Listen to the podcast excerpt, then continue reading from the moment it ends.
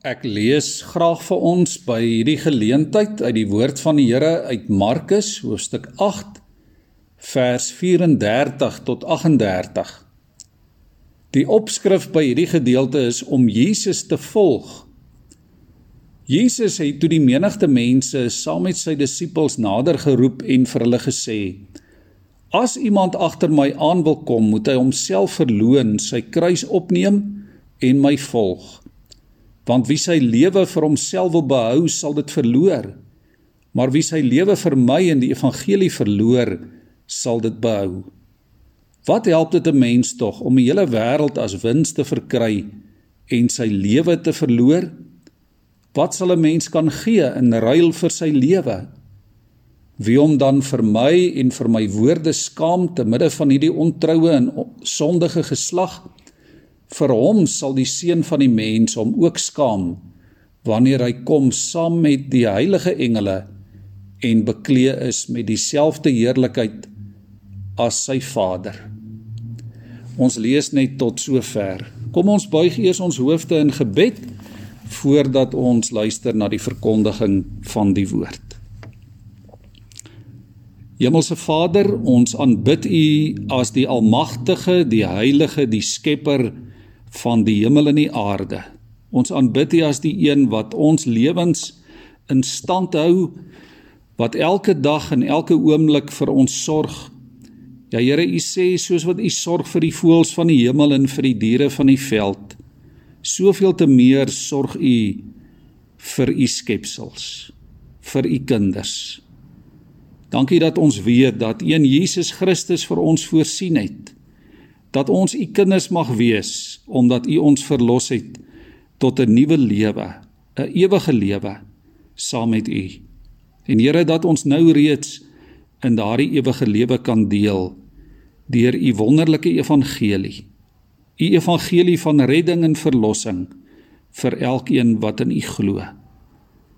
Here ons bid ook in hierdie tyd dat u ons in u hande sal hou Here dat U sal voorsien vir elkeen wat bekommerd is, elkeen wat hartseer is, elkeen wat benoud is, moedeloos is, elkeen wat verliese en die die verliese van die lewe ervaar. Ons wil bid Here dat U deur U woord vir ons sal versterk, deur U Gees vir ons sal vertroos, sal bemoedig, sal lei en sal inspireer. Kom nou deur U woord Here en praat met ons sodat ons kan hoor en kan doen wat U vra. Amen. Liewe vriende, ek glo dat elkeen sal saamstem as ek sê dat ons leef vandag in ongekarteerde tye. Tye en omstandighede is moeilik. Nêrens in die geskiedenis was daar soveel onsekerhede oor die lewe en oor die toekoms as juis nou nie. En ek hoef nie uit te brei oor die tyd en die omstandighede waarin ons in die wêreld onsself op die oomblik bevind nie. Daar is oneindige bedreigings. Daar is uitdagings waaraan ook Christene blootgestel is. En daar is waarskynlik baie wat ons in hierdie wêreld van ons kan verloor. Dalk beleef jy op die oomblik vrees. Dalk is dit onsekerheid wat daar in jou hart is oor dit wat jy moontlik kan of sal moet prysgee. Iemand het een keer 'n aangrypende stelling gemaak. Die persoon het gesê: "It is possible to make no mistakes and still lose. And that is not a weakness, that is life." Dit het my nogal aangegryp. Miskien moet ek dit weer vir ons herhaal. It is possible to make no mistakes and still lose.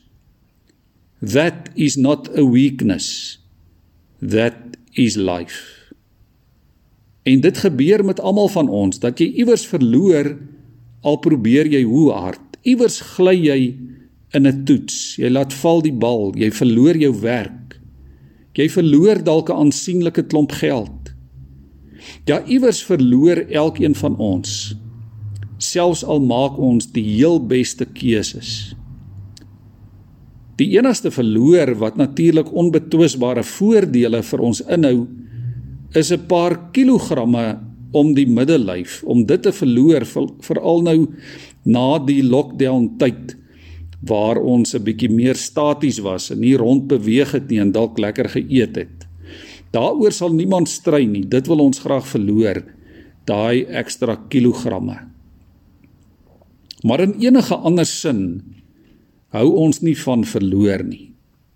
Ongeag of dit 'n eenvoudige bordspeletjie is wat jy dalk verloor of 'n intense cricketwedstryd, verloor is sleg en wen is beter. En ons probeer oor die algemeen om te wen, om suksesvol te wees. Niemand van ons wil die bal laat val nie. Jy wil nie die hou mis nie. Jy wil nie jou werk verloor nie. Jy wil nie verliese in die lewe ervaar nie. Selfs die Bybel praat oor wen as 'n doelwit. Waar Paulus in Filippense 3 sê, ek jaag na die doel om die oorwinnaarsprys te behaal. Tog is daar in die jaar 2020 in hierdie moderne tyd aan die begin van die 4de ekonomiese revolusie baie dinge wat jy en ek in die lewe kan verloor. Ons kan ons eiendom verloor, jy kan jou huis verloor. Jy kan al die geriewe daarmee saam verloor. Jou swaar verdiende pensioeninkomste kan jy verloor. Jou mediese fonds kan jy verloor, jou besittings, jou sekuriteit, jou gesondheid. Jou volgepakte yskas met al die lekkernye daarin kan jy verloor. Ja, Saterdag se braaivleis ribbetjie kan jy verloor. Dis nie lekker om te verloor nie. Dis nogal verstommend. Die Engelse praat van mind-boggling Dis mind-boggling en verstommend om Jesus te hoor sê: Hy wat sy lewe vir homself wil behou, sal dit verloor, maar hy wat sy lewe ter wille van my en die evangelie verloor, sal dit terugkry. Letterlik sê Jesus hier: Wie sy lewe wil red, sal dit verloor. Maar wie sy lewe ter wille van hom en die evangelie verloor, sal dit red. En nou is die vraag: Hoe red 'n mens jou lewe deur dit te verloor? Jesus sê jy moet verloor, jy moet prys gee. Die enigste manier om te wen is om te verloor. Dis die enigste manier om die koninkryk van God te wen. En dis aangrypend.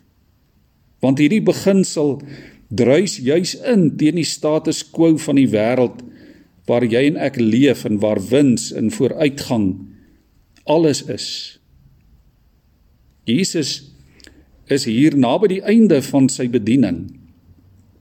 Baie mense wou vir Jesus koning maak. Baie ander wou hom doodmaak. En daarom wyk hy en sy volgelinge uit na Caesarea Philippi in die noorde om die massas daar te vermy en om ook sy disippels voor te berei op dit wat nog sou gebeur. Dis toe dat Jesus vir hulle vra: Wie sê die mense is ek? En dadelik antwoord hulle: Sommige sê U is Johannes die Doper, ander sê U is Elia of een van die profete. Dit was baie duidelik dat mense geweet het Jesus is een of ander belangrike persoon. Maar dit was ook net deel van die waarheid. Die antwoorde oor wie mense gedink het Jesus was was onvolledig. En daarom vra hy weer vir die disippels: "Maar julle, wie sê julle is ek?" En toe gee Petrus daardie bekende antwoord van hom: "U is die Christus." En in 'n sekere sin was dit die perfekte antwoord Want Jesus is mos die Christus. Hy is mos die gesalfde een. Die een wat God beloof het om te stuur vir wie almal gewag het. Maar die vraag is hoekom? Hoekom nadat Petrus hierdie perfekte antwoord gee, lees ons dat Jesus hom toe belet het om dit vir enige iemand te vertel, om met enige iemand oor hom te praat. Hoekom doen Jesus dit? Dit was duidelik, liewe vriende, dat die algemene publiek nie verstaan het wie Jesus is nie. Hulle het 'n politieke bevryder verwag. Daarom moes die disippels met niemand praat oor Jesus se ware identiteit nie, want dit sou onnodige aandag op Jesus vestig. Dit sou die werklike rede vir sy koms na die aarde toe in die wiele kon ry. Maar dis ook duidelik dat die disippels self nie mooi verstaan het wie Jesus was nie. Hulle het nie verstaan wat dit beteken dat Jesus die Christus is nie. Petrus het die regte woorde gebruik. Hy het dalk die regte antwoord gegee, maar sonder om te weet wat hy sê. En daarom lees ons in vers 32 het Jesus reguit met hulle begin praat ernstig met hulle gepraat. Vers 31 sê: Jesus het hulle toe begin leer dat die seun van die mens baie moet ly, dat hy verwerp en doodgemaak moet word deur die familiehoofde en die priesterhoofde en die skrifgeleerdes en op die derde dag weer moet opstaan. Hy het met hulle hieroor reg uitgepraat.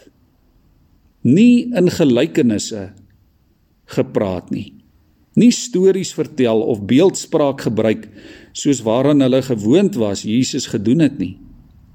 Hy het reguit gepraat oor wie hy was, oor waarvoor hy gekom het, om vir almal te kom sterf en vir almal op te staan. Dit was Jesus se reddingsplan vir elke man, vir elke vrou, elke kind, vir die hele wêreld. En om Jesus van die kruis af te probeer weghou, sou 'n oorwinning vir die Satan beteken. En ons kan dink hoe geweldig dit was toe Jesus se volgelinge en Petrus hierdie woorde van Jesus hoor, toe hulle hoor waarvoor Jesus eintlik gekom het en wie hy regtig was. Dat hy gekom het om te ly en te sterf ter wille van hulle en van die wêreld. En daarom lees ons in vers 32 het Petrus Jesus eenkant toe gevat. Hy het hom begin berispe want dit was nie die wenplan wat Petrus homself voorgestel het nie.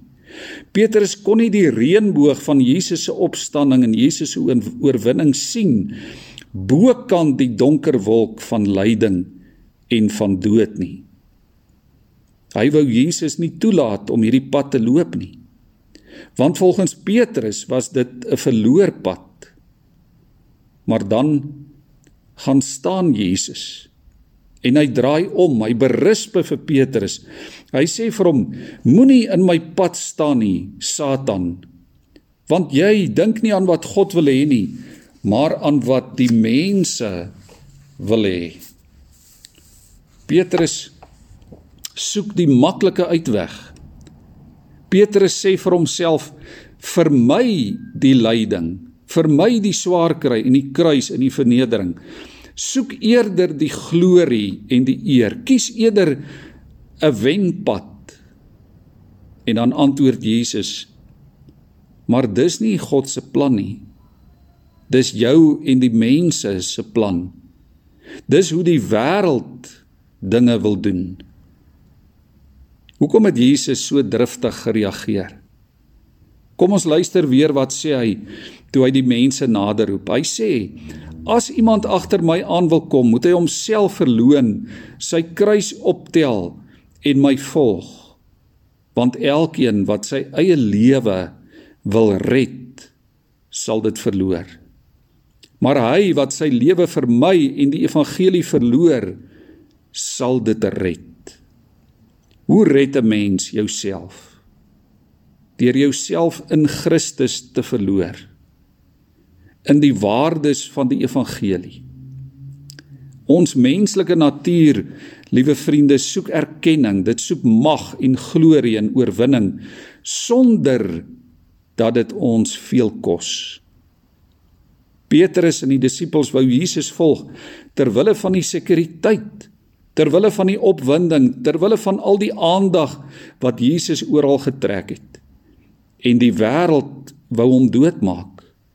Hulle wou hom uit die weg ruim omdat die evangelie wat hy verkondig het nie geklink het na 'n wen strategie nie. Petrus se reaksie is in baie opsigte ook ons reaksie.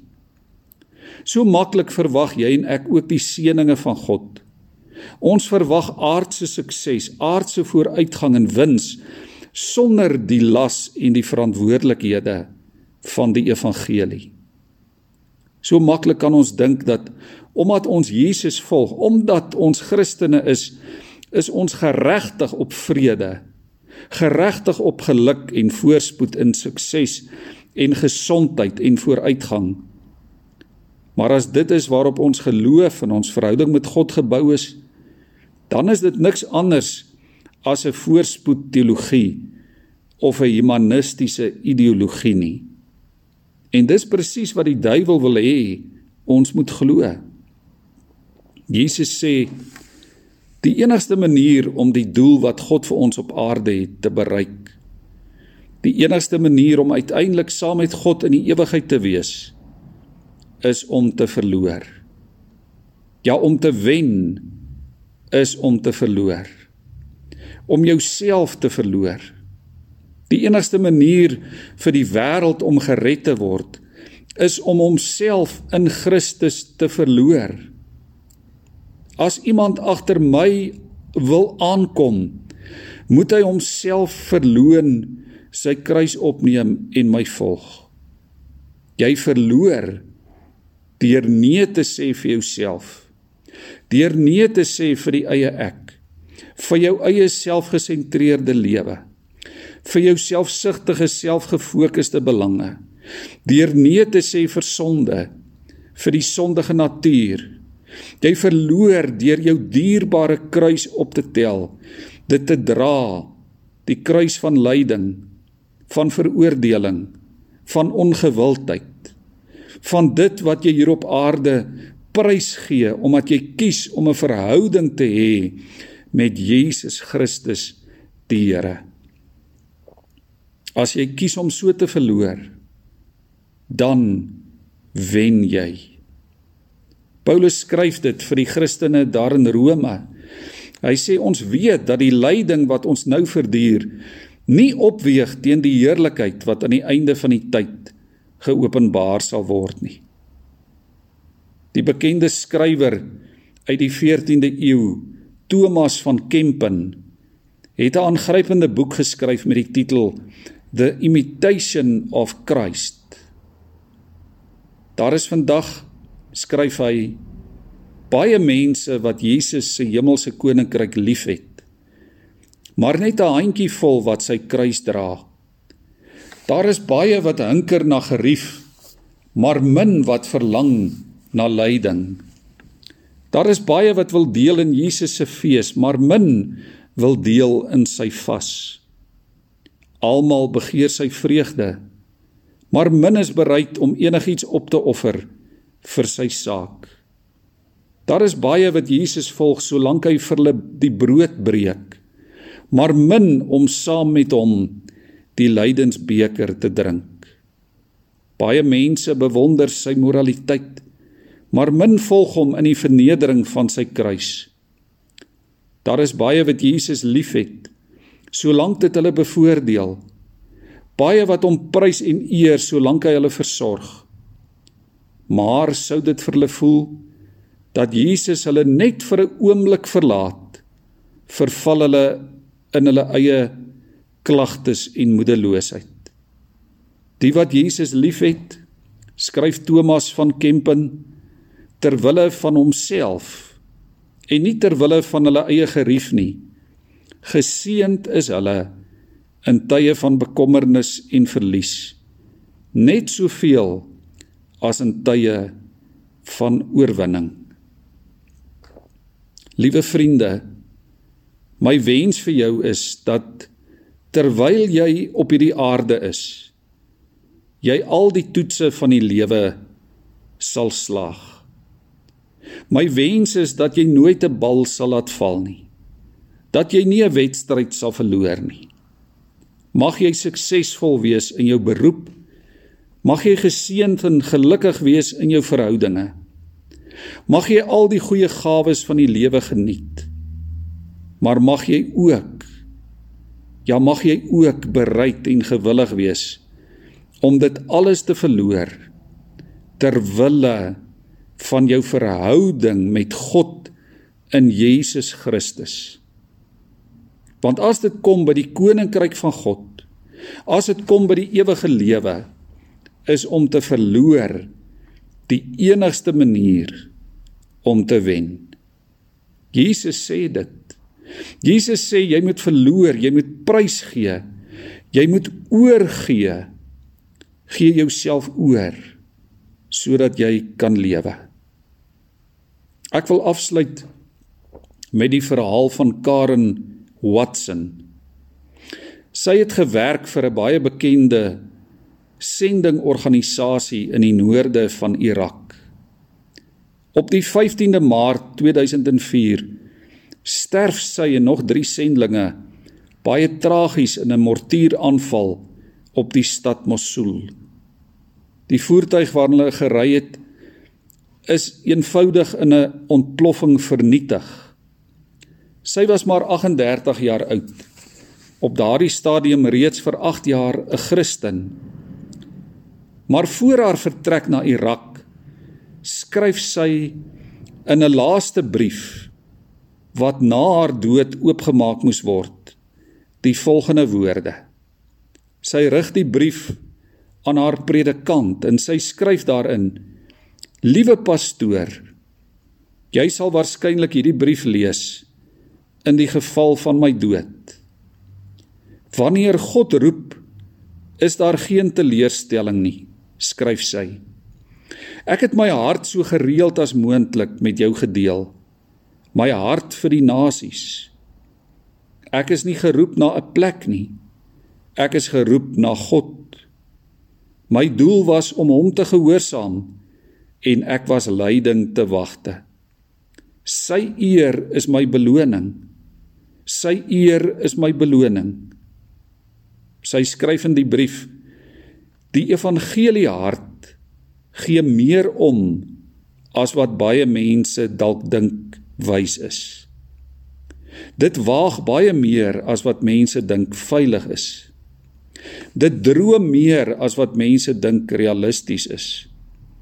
Dit verwag meer as wat mense dink moontlik is. Ek is nie geroep vir 'n lewe van gerief of van sukses nie, maar vir 'n lewe van gehoorsaamheid.